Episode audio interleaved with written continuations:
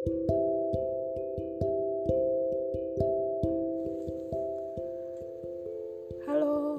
uh, kita coba angkat tema baru ya.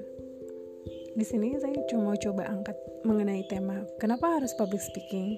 Uh, seperti yang kita tahu ya, di hidup, kehidupan kita sehari-hari itu pasti tidak pernah lepas dari public speaking. Kenapa? Karena nyatanya kita nggak bisa mungkiri bahwa public speaking merupakan peran penting dalam menambah kualitas diri kita.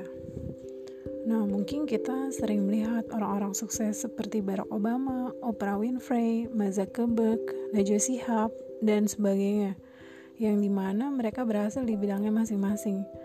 Namun, mereka memiliki satu kesamaan yang mereka miliki. Apa itu? Yaitu kemampuan public speaking. Sehingga dengan kemampuan tersebut, orang dapat memiliki kesan yang baik dan mengenal mereka semua. So, dengan hal ini, public speaking memiliki manfaat untuk perubahan dalam diri kita. Nah, di sini mau coba sharing sebenarnya apa aja sih manfaat dari belajar public speaking itu sendiri. Nah, sebenarnya kita, kalau kita bicara manfaat, public speaking itu banyak banget dan kalau di perincian itu bisa lebih dari tiga mungkin ya. Cuman di sini uh, kita mau ambil garis besarnya aja ya.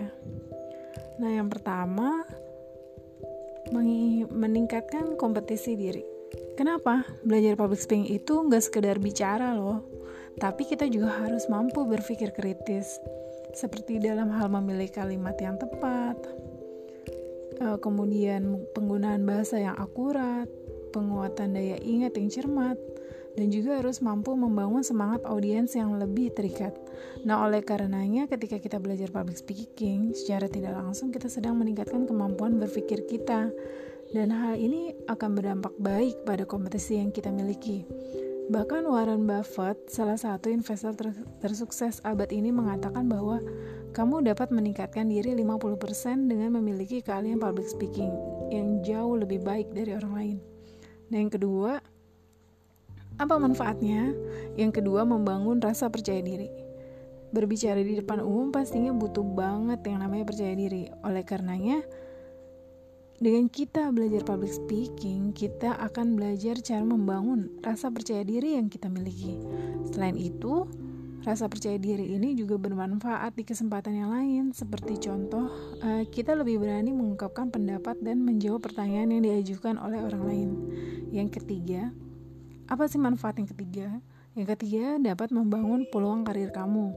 Nah, pernah nggak sih kamu sadar hampir seluruh karir membutuhkan public speaking? Dan nyatanya itu benar loh.